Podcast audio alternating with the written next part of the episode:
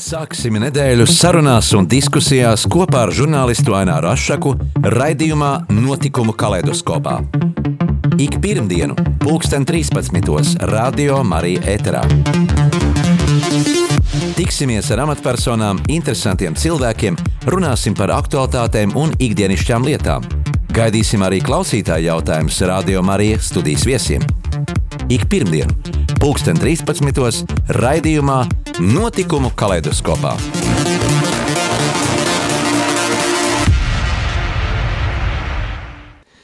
Esiet sveicināti, radio klausītāji! Kultūrai un mākslē šis ir ļoti sarežģīts laiks. Pandēmijas, pandēmijas laikā pulcēšanās ierobežojumu dēļ ir neziņā jādzīvo par nākotni, ir pārtraukta koncertdarbība ar publikas klātbūtni. Un nenotiek, protams, arī ikgadēja mūzikas festivāli. Šodien studijā uz sarunu esmu aicinājis pieredzējušo mūzikas kritiķi, ilgadējo laikraksta dienu žurnālistu, arī radioraidījumu vadītāju, grāmatu autoru un vairāku mūzikas festivālu organizatoru vienā personā Uldi Rudaku. Sveiks, Uldi! Sveiki!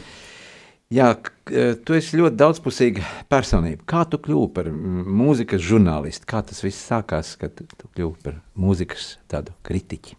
Man tā šķiet, ka par to es kļuvu jau, jau, jau agrā bērnībā. Mm, protams, tad tas man bija tikai tāda izklaide un, un, un, un kaut kā jauna meklējumi, jo, jo kad man bija kaut kādi četri gadi, es jau radioaparātu Latviju to augšā esošo skaņu plašu atskaņotāju varēju aizsniegt. Un, un tad man plašs atskaņotājs bija mīļākā rotaļlieta, un es klausījos plates, un kad gāju ciemos pie citiem, arī, arī ar lielu plats. interesi uzreiz ķēros pie, pie um, aparatūras.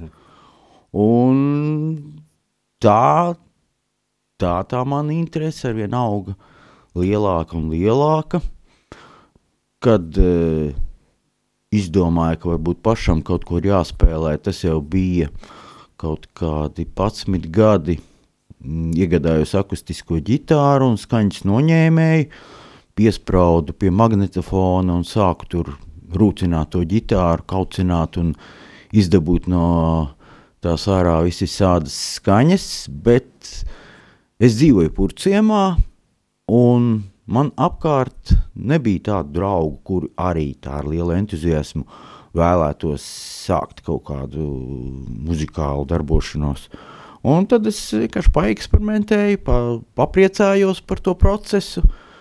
Bet, uh, lai sēdētu kaltu ilgi un mācītos instrumentu, uh, tā pa īstam spēlēt, uh, man nebija pacietības. Un nelikās arī jēga, ja man apkārt nav cilvēku, ar kuriem kopā to darīt. Ja, protams, es būtu saticis kaut kādos 11 gados jau jau tur eh, līdzīgi domājošos cilvēkus, tad iespējams, ka es tagad kaut kādā grupā spēlētu. Bet, bet toreiz uh, tomēr bija tāds ierobežots iespējas, ja bija zināms uh, skaits dziesmu, ja platēs bija tas, kas bija, tas bija, nevar to salīdzināt ar mūsdienām, ka tu vari izvēlēties, ko klausīties, kādu stilus, kādu žanru. Protams, ka padomju laikos arī tā skaņu plaša kolekcija katrā vidusmēra latviešu ģimenē bija sastāvēja no 80% Raimonda Paula plašu, jo, jo, jo Raimondam Paulam plaši iznāca ļoti daudz, un tās visas man, protams, bija. Šis tas no vēl kaut kā, nu tad Amerikas radi atveda Beatles Abbey Road, un tas gāja par riņķi.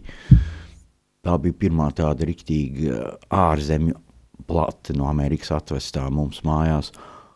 Pēc tam, pēc tam, protams, sāku lentēs, kasetēs rakstīt mūziku, kādu vien vēlējos. Tas maksāja naudu, visu naudu, ko no vecākiem dabūju, tam arī iztērēju. Un tā, tā, tā man tā interese par mūziku auga ar vien lielāku un lielāku. Tēvs, tēvs laik pa laikam man teica, nu, tev tā mūzika baigi interesē, tas ir baigi forši, bet, bet, bet padomā par kaut ko nopietnāko dzīvē darīt, tas taču tev nekad... Viņš domāja, ka tā profesija vajadzīga kāda. Nu, kā, kāda nopietna profesija vajadzīga, jā. Jā, nu tavs izvēles eh, kritērijs ir tikai un vienīgi originalitāte un nevis mūziķu popularitāte, vai komerciālajie pasākumi. Tas tā teikt, Jā, tas, ir šie kritēriji. Un, tas un, neizslēdz, eh, ja, ka man varētu patikt arī kāds ļoti populārs mūziķis, ja man viņš šķiet interesants un, un, un, un kaut ko ienesis tiešām saudabīgu mūzikā, ir, tad, tad, tad arī es uh, labu popmūziku ļoti labprāt klausos. Nu jā, laikam ejot, eh, mūzikas gaumas ir mainījušās. Jā, agrāk atceramies, ka uh, dažādi koncerti un pasākumi, kur gāja vecāki ar bērniem un vecvecāki gāja ar uh, mazbērniem uz koncertu, tad šodien diez vai tas tā būs, jo ir, uh, ir dažāda, dažādi ranga tie koncerti, dažādas gaumas, dažādi stili un, un, un, un, protams, nav šīs vienprātības vairs. Mm, jā, protams. Nav vairs tā, ka aiziet ģimene uz koncertu, visi sēž un klausās. Nu, klasiskās mūzikas koncertā, es domāju, tas tā varētu būt joprojām mūsdienās. Bet uh, populārajā mūzikā, jā, tu, tur, protams, paudžu tās uh, gaumas mainās. Kaut gan es esmu ievērojis, ka, ka transformējās kaut kā, teiksim, tā roka mūzikas paudze, kas, kas bija tīņi tur 80. un 90. gados. Viņa joprojām to pašu arī klausās. Un, ja, ja, ja pirms gadiem, 20 vēl cilvēkiem starp 40 un 60, 80 mīļākā mūzika bija šlāgeris, ko atskaņo Latvijas Rādio 2. Tad šobrīd jau, jau es esmu bijis arī uz Cure koncertu Berlīnē, kur, kur vecākie fani bija ap 70. Nu, loģiski, ja viņiem 80. gadā kaut kas iepatikās, mm -hmm. un viņi tad vairs nebija bērni, bet jau pieauguši cilvēki, tad, tad, eh, tad viņi arī līdz mūža galam to klausās. Jā, nu kādas tavs ir īpašās grupas vai, vai tās, eh, nu, kurām tu savu sirdi dod savu? Es ar vienu meklēju kaut kādus jaunatklājumus, un Ir, protams, mūziķi, kuri cauri gadiem un gadu desmitiem ir palikuši man tuvi. Bet uh, katru gadu es atklāju kaut ko jaunu. Piemēram, uh, Helēna Kozlova, kura, kurus iepazinu ar grupu Skumju akmeņi 90. gados. Pēc tam viņi sāka savu solo darbību. Uh, Un es nezinu, vai jums tagad jau ir paredzēts uh, laist uh, kādu no dziesmām, ko jā, es esmu brītiņa, izvēlējies. Pēc brītiņa. Jā, pēc brītiņa. Mm -hmm. jā nu, tā dziesma, ko, ko mēs pirmo klausīsimies, ir uh, Helēnas Kozlovas dziesmiņa Vārdes.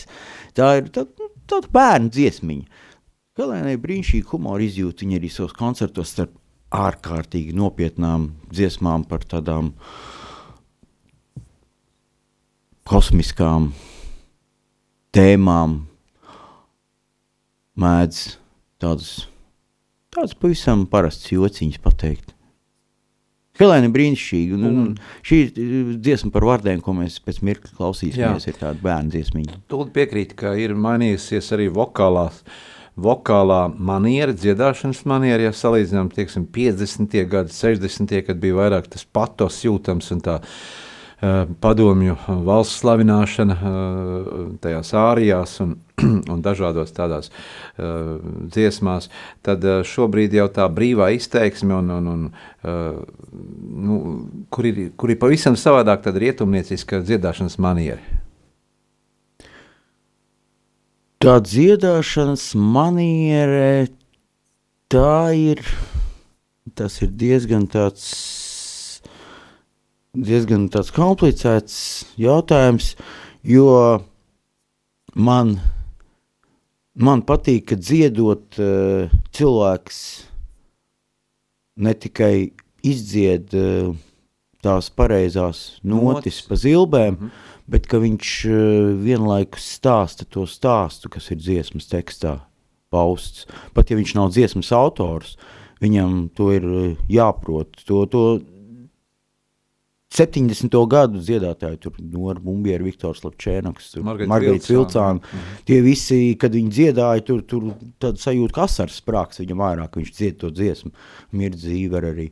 Bet uh, mūsdienās, kad, kad, kad, kad visiem ir iespēja tehniski uh, iemācīties, tad uh, aizmirstās tas vēstījums. Un, ja paņem, piemēram, kāds mūsdienu dziedātājs nodzied 60. un 70.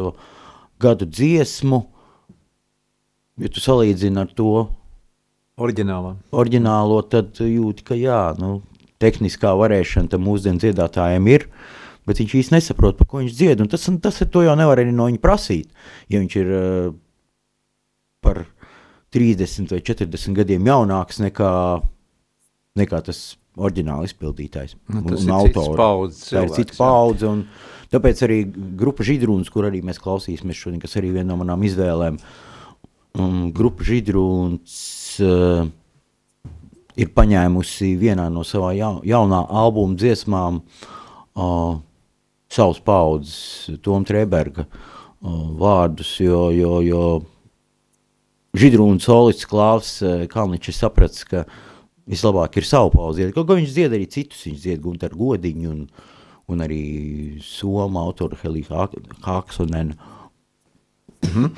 Bet, uh, jā, ir, uh, kad tu klausies dziesmu, tev ir, tev ir jāklausās tajā kā stāstā.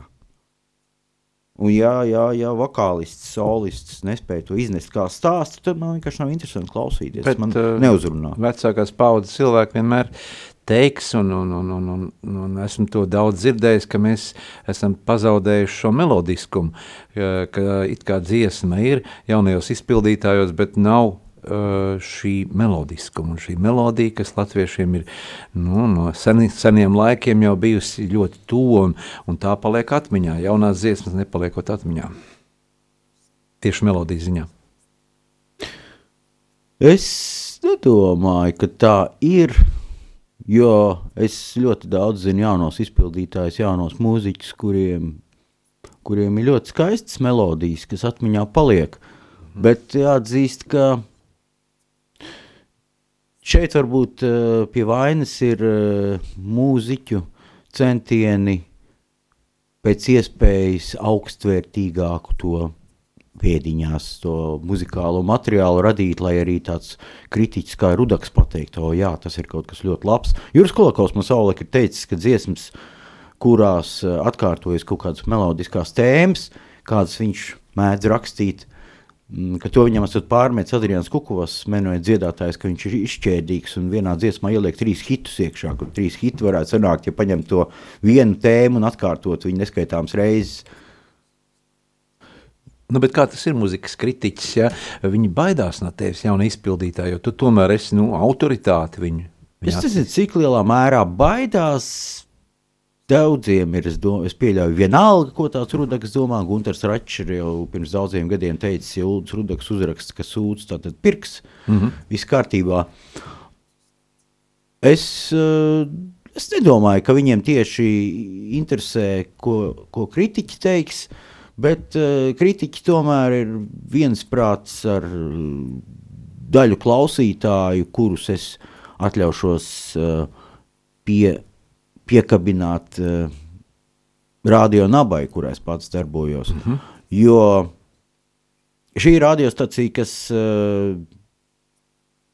atskaņo visdaudzveidīgāko mūziku, un arī tās klausītāji ir cilvēki, kuri grib nevis, lai viņiem ik pēc stundas atkārtojas tās pašas dziesmas, bet lai viņiem visu laiku ir pārsteigumi, laiku kaut kas interesants un daudzveidīgs. Un nebaidās no, no tā, ka tur ir tāds rosols, ka var sekot eh, pavisam mierīgai dziesmai kaut kas trokšņains un lielai daļai nesaprotams. Jā. Dosim iespēju arī mūsu radioklausītājiem piezvanīt uh, uz studiju. Mūsu tālruņa numurs ir 67, 969, 131, 67, 969, 131, vai arī rakstiet SMS. Un uh, numurs ir 266, 77, 272, 266, 77, 272.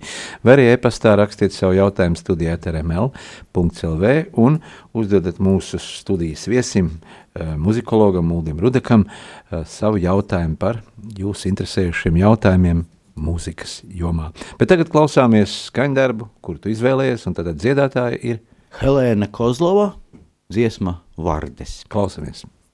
Mēs esam vārdēs, mēs esam zāļās, mēs dzīvojam purviņā. Mēs esam bārdēs, mēs sakām kvak, kvak, kvak, kvak, kvak, kvak, mēs dzīvojam purviņā. Mēs ēdam mušiņās un ēdam odiņus, un dažreiz ēdam mazas zīltiņās. Mēs ēdam mušiņās un ēdam odiņus, un dažreiz ēdam mazas zīltiņās. Pēc pēsam pārdēs, pēc pēsam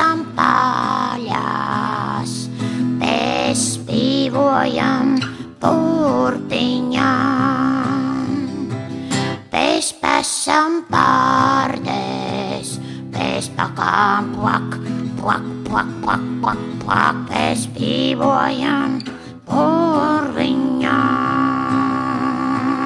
Pēc pēdām pušiņās, un pēdām podiņos, un pašreiz pēdām pazas pījūtiņās.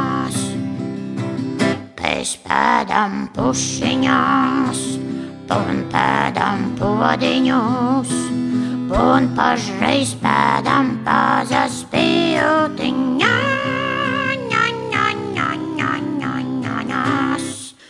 Popi. Helēna. Turpinām sarunu studijā, un uh, šodien mūsu viesis ir ilgadējais laikraksts dienas žurnālists, radio raidījuma, uh, radio, raid, uh, radio Naba, radio raidījuma vadītājs un grāmatu autors un mūzikas festivāla organizators Uldis Rudoks.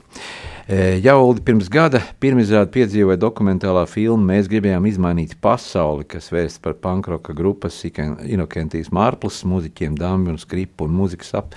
Tātad, un arī par tevi, ja? Uh, filmā vīri Un manu nosvin- sunīti. Uh, Un pēc tavu sunīti, jā. Vai ir, uh, tu sajūti, ka ir izdevies izmainīt šo pasauli? Pasauli ir faktiski izmainījusies gada laikā pati par sevi mums nezinot, bet uh, mēs pavisam savādāk dzīvojam. Bet uh, tātad par filmu, par šo dokumentālo filmu, kāds ir tas ceļš?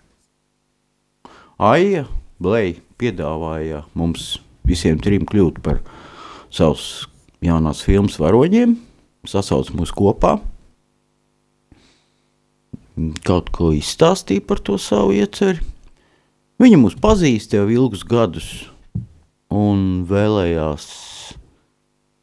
Es domāju, ka viņai pat nebija sākumā, ka mēs, mēs, to- mēs ar dāmu par to esam daudz sprieduši, ka viņai nebija ne jausmas, kas tur no tās filmas sanāks, jo pēc tam, kad viņa krita mums uz nerviem, braukājot eh, mums līdzi visur, kur un filmējot, un filmējot, un filmējot, un neliekot mums mieru, tur bija tik daudz kā safilmēts, ka mums nebija ne jausmas, kas sanāks gal galā. Bet kaut kā ieraugot to gala rezultātu, bija skaidrs, ka viņai ir ļoti prasmīgi izdevies to ielikt stundu, drusciņā garāk par stundu garā gabaliņā, lai tas ir tiešām skatām un baudām, un, un, un norobežojoties no tā, ka pašam jābalēņš uz sevi ekrānā, kur, kur, protams, daudz kas krīt uz nerviem. Mm, Tad, eh, kā es tur izskatos, kā es tur pateicu, un tā tālāk.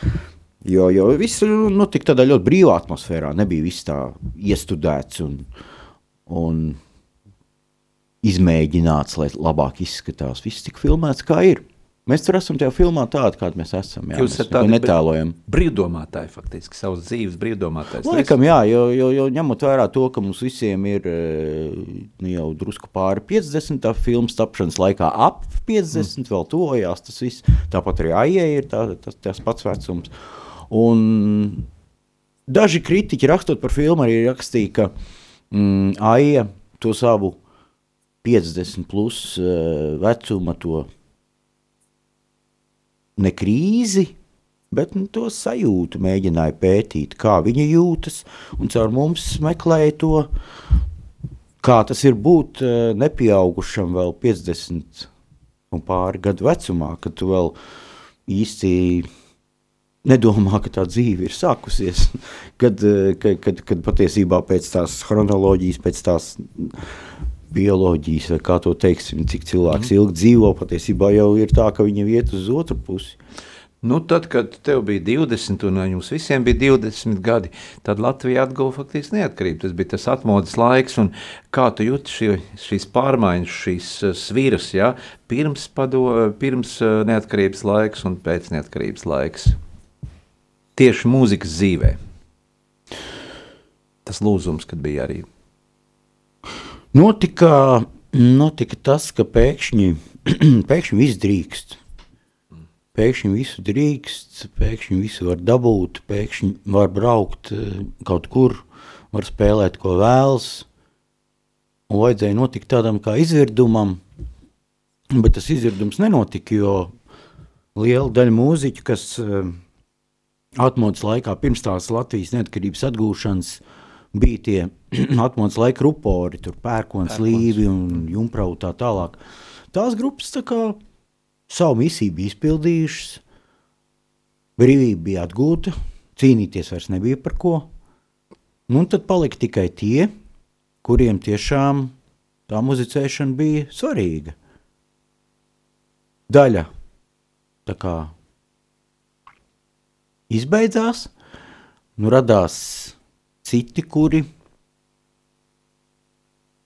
kuri ienes latviešu mūzikā to, kas pirms tam nebija. Piemēram, Torņa, uh, Torņa kompānija tur, tur, tur, tur nodarbojās ar, ar dažādu roka mūzikas un eksperimentālo žanru.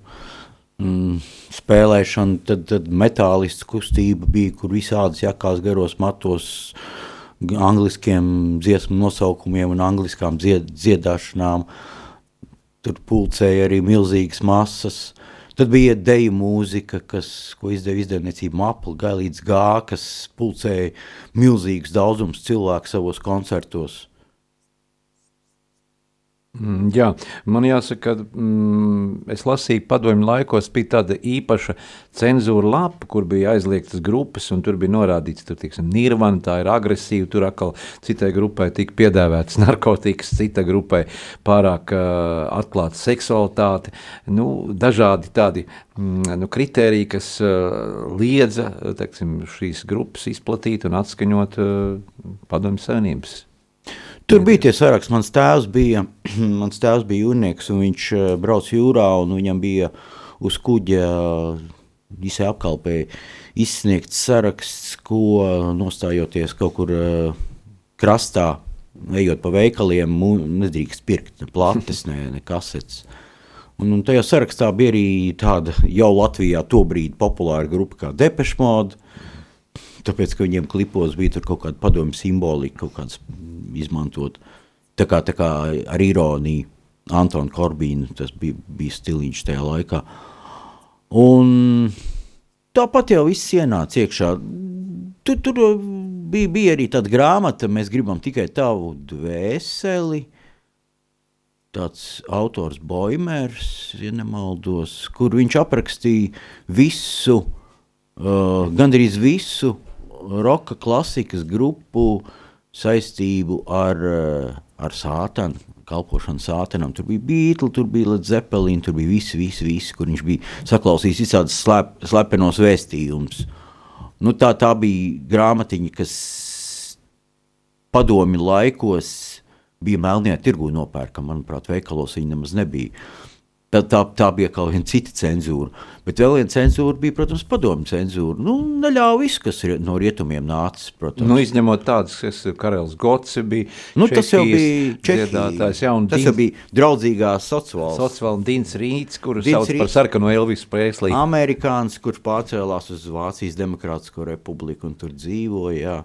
Tēlo arī Viktoru Hāru filmā. Mm par Čīles eh, revolucionāru dziedātāju. Viņa beigās viņu arī tur nogalināja. Bet tāpat laikā arī Krievijā bija šīs netradicionālās grupas jau tajā laikā, vēl pirms PSRS sabrukuma. Taču Viktors Cois jau dziedāja jau, jau tādas. Jā, un Cois jau ieguva milzīgu popularitāti visā padomu savienības mērogā un nav zaudējis to arī Šobrīd. tagad, 30 gadus pēc savas nāves.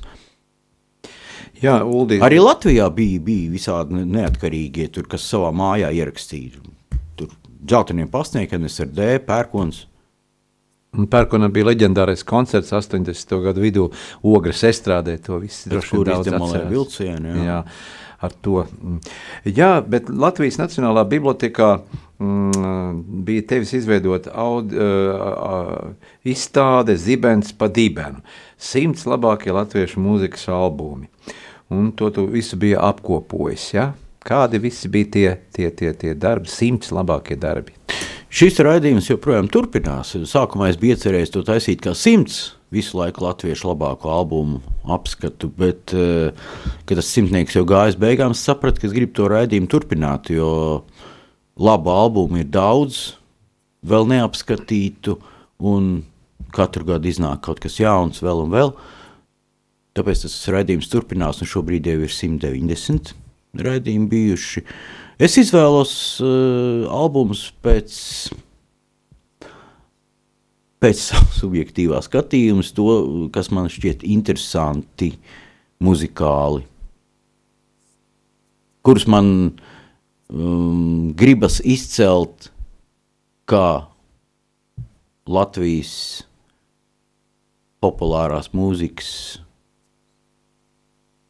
tādus pērles. Pērlis, jā. Jā. Bet tagad mēs varētu atkal klausīties vienu no tādiem skandarbiem, kas varbūt ne tik bieži ir skanējis. eh, Tavs izvēlētais skandarbs, tātad Eh, Židrūnu. Židrūni, jā, klausamies. Grupa Židrūns ir, eh, jā, grupa Židrūns viena no manām mīļākajām šī brīža latviešu grupām. Rindā skails dziesma ir par, par kokiem, kurus skails ir te tur cērts. Mhm. Lai skan mūzika.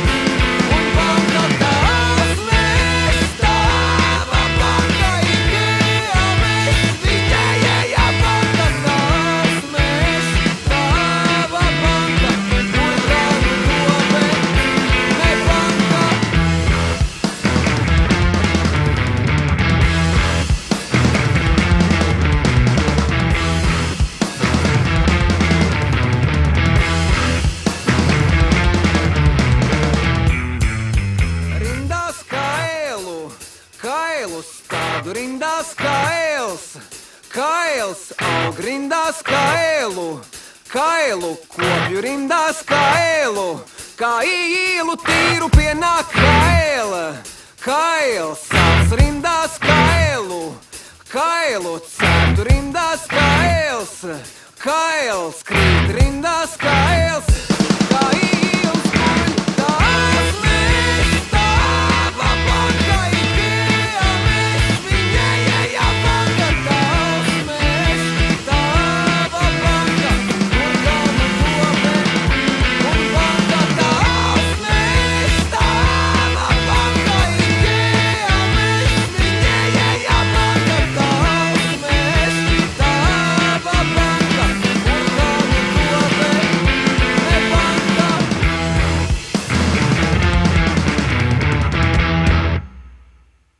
Sarunu studijā ar mūsu šīsdienas viesi, ar mūzikas kritiķu, ar radiorādījumu vadītāju, daudz grāmatu autoru un mūzikas festivālu uh, organizatoru vienā personā, tad Uldi Rudaku. Kā Tūlī vērtē, kā mūzikas eksperts Samants Tīnas dziesmu un video klipu The Moon is Rising sociālajos tīklos par dzirdēto un redzēto valda uh, liela nevienprātība šeit Latvijā, taču ārzemēs nu, šo klipu un šo dziesmu uztver tīri pozitīvi, progresīvi. Kāds tavs viedoklis par šo uh, priekšnesumu? Man šķiet, šī ir kārtējā Latvijas Eirovīzija aizsūtītā dziesma, kas neiekļūs finālā. Tur var tātad komercializācija jūtam cauri. Mm. Tāda dziesma, kas paslīd garām, un tev viņa atmiņā vispār nepaliek pēc standartiem, šabloniem veidota, kādai vajadzētu būt. Kāda ir tā formula, kā izveidot veiksmīgu Eirovīzijas dziesmu, bet veidojot dziesmas pēc šīs formulas, ko dara visās valstīs, kad viņas visas satiekās tur tajā vietā, kur notiek tas fināls, tad, tad, tad ir, sap, ir skaidrs, ka, ka tur konkurence ir daudz, daudz stiprāka no citām zemēm. Tāpēc tās dziesmas, ko citi piedāvā, tās ir, tās ir eh, daudz ietekmīgākas. Es neesmu un... pētījis, kas šogad ir tur vēl. Uh, kas tur vēl piedalās, bet, bet, bet jā, nu katru gadu tas Eirovīzijas formāts nostiprinās tas, kāds, kāds cilvēkiem ir priekšstats, kādu vajadzētu veidot dziesmu un to, kā to pasniegt, lai, lai Eirovīzijā tai būtu panākumi. Un visi vienmēr cenšas pēc šiem principiem to dziesmu veidot, bet uh, tā ir ražošana. Bet tomēr šie mūzikas festivāli, šie lielie uh, festivāli arī nav zaudējuši tādu savu vietu um, Eiropā, kā, kā, kā tas uh, Eirovīzija bija kādreiz Sanremo, nu tad tajā laikā tur vairāk uh, cilvēki to visu skatījās un tā uztvēra, ar sirdi dzīvoja līdzi, bet tagad liekas, ka tur nu, diezgan tā daudz nevienprātības ir. Nu, par Eirovīziju tieši. Man, man Eirovīzija ir interesējusi tikai sava darba ietvaros, uh, rakstot dienai par, par, par Eirovīzijas konkursu vai par tā dalībniekiem. Tā man, man, man šis konkurss absolūti nešķiet interesants. To, kas tur muzikāli, kas tur tiek piedāvāts, tur ļoti reti ir, ka, kur, kur man gribas piesiet ausi. Jā, tu tikko pieminēji laikrakstu dienu. Jā. Cik gadus jau tu esi žurnālists dienā? Dienai es esmu rakstījis kopš 1000. 1993. gada, kad es tur sāku kā krimināla reportieris strādāt, un no 94. paņēmu, ar, sāku, sāku pakāpeniski arī par mūziku rakstīt, un, un, un, un, un laika gaitā mans krimināla, krimināla reportiera karjera beidzās, un es izvēlējos rokenrolu. Jā. Tagad ir aktuāls digitālo pakalpojumu nodoklis Latvijā. Un, uh, vai tas attaisnos sevi un uh, mākslinieki būs ieguvēji. No tā, ka telefoniem, datoriem, datoriem tur būs jā. kaut kādi plusi, tur kaut mm. kādi 5 eiro tiks katram uzlikti klāt. Es, man vienkārši par to nāk smiekli, jo es eh, domāju, ja cilvēks pērk eh, telefonu jaunāko iPhone modeli par vairākiem simtiem, un viņam pieliek vienu piecīti turklāt, tas vispār neko nemaina. Tas nemaina, tas nemaina no pircējiem acīm, tas neko nenoņem būtisku, uh, bet vai būs ieguvēji mūziķi, stipri šaubos, vai, vai tieši tie mūziķi, kur, kurus uh, tur, tur tas pircējs visvairāk klausās, būs ieguvēji, jo, jo šī nauda jau netiek sadalīta uh, tiem, kuri, Autoriem. kuri ir tieši tie autori, kurus klausās, bet tiem, kurus vislielākās masas klausās. Un tā nauda, kas tiek ieņemta, tā tiek sadalīta uh, lielākajiem. Tas ir tāpat kā es tikko teicu, ja cilvēks pērk telefonu par 600 un viņam piecīt pieliek klāt, tas nekas nav.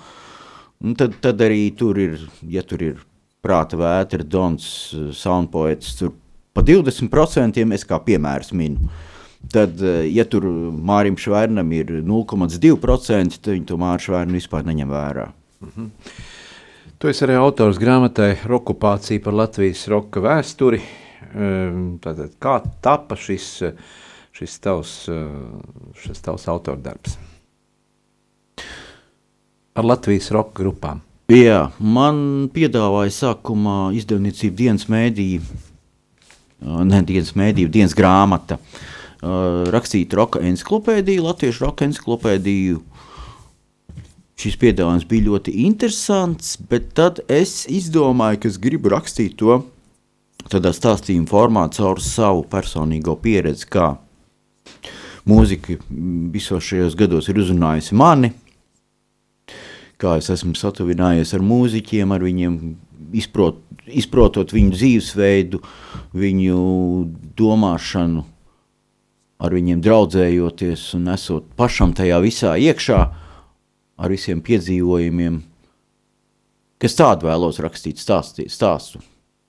Un izdevniecība akceptēja šo man domu, Un tad es ķēros klāt, rakstu sākot jau no pašas bērnības, ko es raidījuma sākumā arī pieminēju par četri, četrgadīgā puikas spēlēšanos ar atskaņotāju. Mm -hmm. Un tu esi arī daudzu mūzikas festivālu organizators. eh, Varbūt eh, tie nav tik lieli festivāli un tie nav zināmi tik plašām masām, bet tie, tos eh, vieno un pulcē kopā cilvēki, kas tiešām saprot šo mūziku. Piemēram, kartupeļu palmu. Jā, un Kartupēļpalma tas ir uh, festivāls, kur, kas notiek Salaspilī. Es ceru, ka nelielā formātā tas varēs notikt arī šogad. Pirmais bija 18. gadā uz divām skatuvēm, otrais jau bija lielāks, trešais pagājušo gadu, protams, bija mazāks, jo, jo visi tie ierobežojumi. Šis festivāls, kuru man Salaspils doma pieaicināja veidot šī festivāla programmu, tieši ar vēlmi, lai šis festivāls būtu kaut kas citāds nekā, nekā parasti nekā parasti ir pierasts pilsētu, pilsētu domas rīkotajos pasākumos. Uh, redzēt, ka tur ir tie mākslinieki, kuri, kuri,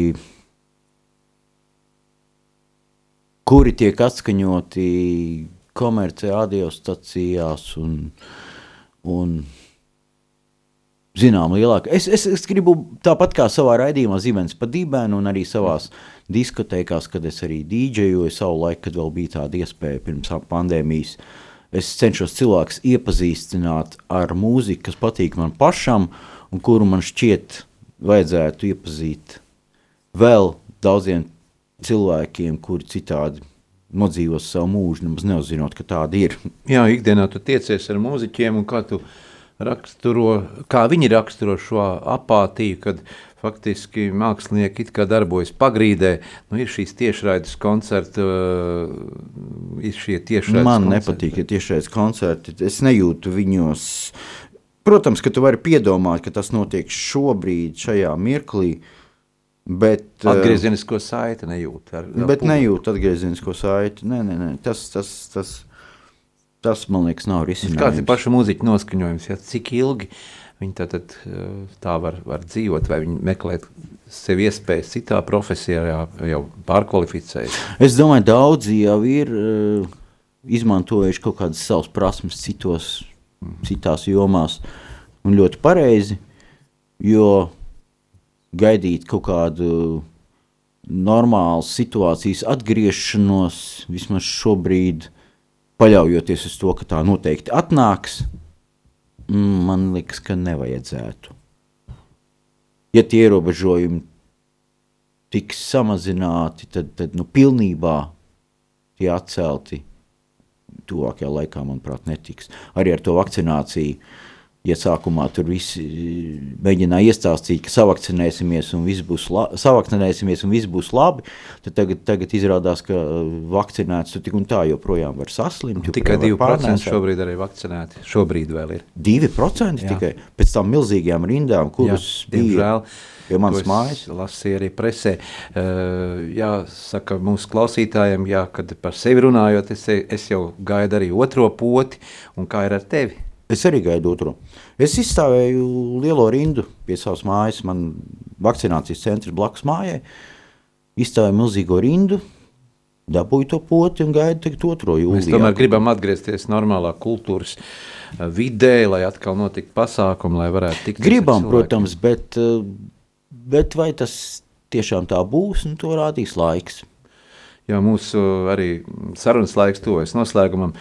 Uldi, un ko tu gribētu novēlēt mūsu visiem radio klausītājiem, radio arī klausītājiem? Es vēlētos aicināt cilvēkus dzīvot savas dzīves tā, lai pašiem nav par to beigās, kad pienāk tas pēdējais mirklis, jādomā, ak, vai, ak, vai, kā, cik es slikti dzīvoju savu dzīvi, ka man tagad jāmirst nelaimīgam. man, man šķiet, ka cilvēkam ir eh, visu dzīvi jāgatavojas, eh, jāgatavojas tam, lai viņš beigās justos gandarīts par sev dāvātajos gados padarīto un viņu negraustu sirdsapziņas pārmetumu par visādiem, visādām draņķībām, ko viņš savas dzīves laikā ir darījis jau pašā sākumā, zinot, ka tās ir draņķības. Protams, ka cilvēki mēdz darī, izdarīt visādas kļūdas, nezinot, ka tās ir kļūdas. Bet uh, tāpēc jau ir dot dzīvi, lai tās vēl spētu labot. Mēdz teikt, ka no kļūdām mācās, un uh, ar pozitīvu skatu nākotnē es ceru, ka mēs atkal tiksimies uh, klatienē ar muziķiem, koncertos uh, un varēsim arī baudīt šo mākslu un aizmirst laiku, kad esam pavadījuši tādā, tādā nu, mājās sēžot. Tā sēdēšana mājās ir tāda rakņāšanās sevī, ko es pirmajos mēnešos es to pat salīdzināju ar kaut kādu. Tā kā, tā kā meditācija, kad tu aizēji kaut kur kalnos, sēdi viens pats un nedēļām, mēnešiem ilgi nerunā ne ar vienu klusē.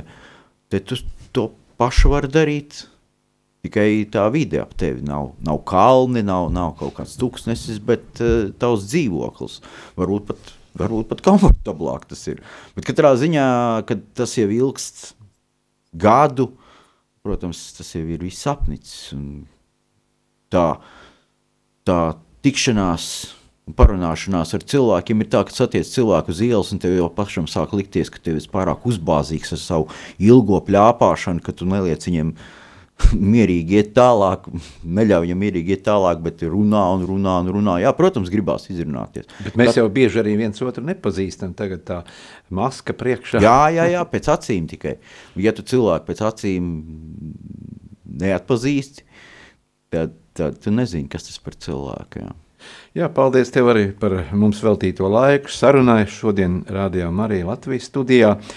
Atgādinu mūsu klausītājiem, ka mēs tikko sarunājāmies ar laikraksta dienu ilgadējo žurnālistu un mūzikas kritiķi, uh, radioraidījumu vadītāju, grāmatu autoru un daudz mūzikas festivāla organizatoru vienā personā. Uldi Rudaku, lai tev jauks pavasaris, vasara un daudz, daudz arī tās ieceres un padarītie darbi, kas vēl nav paveikti, lai, lai sokas ātrāk. Paldies par aicinājumu. Paldies. Visu labu.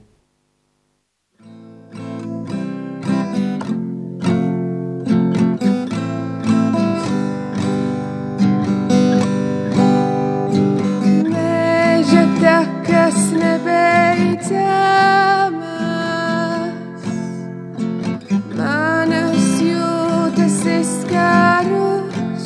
tas taisgais.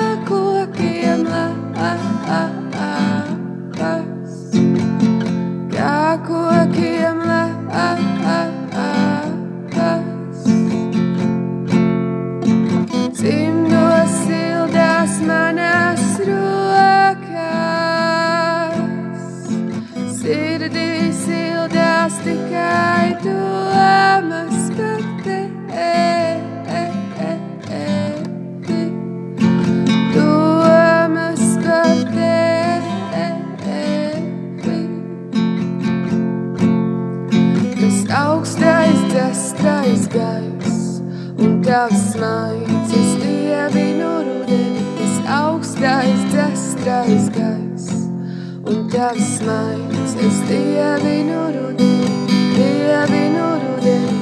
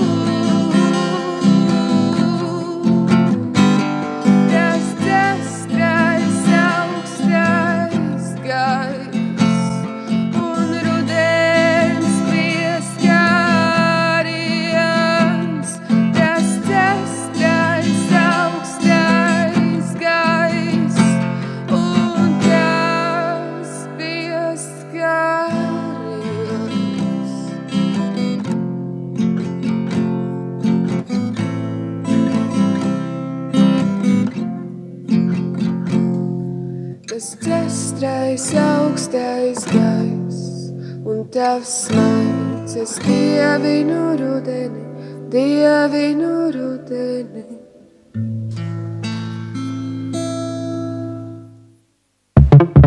Sāksim nedēļu sarunās un diskusijās kopā ar žurnālistu Aināru Rošu raidījumā Notikumu kaleidoskopā.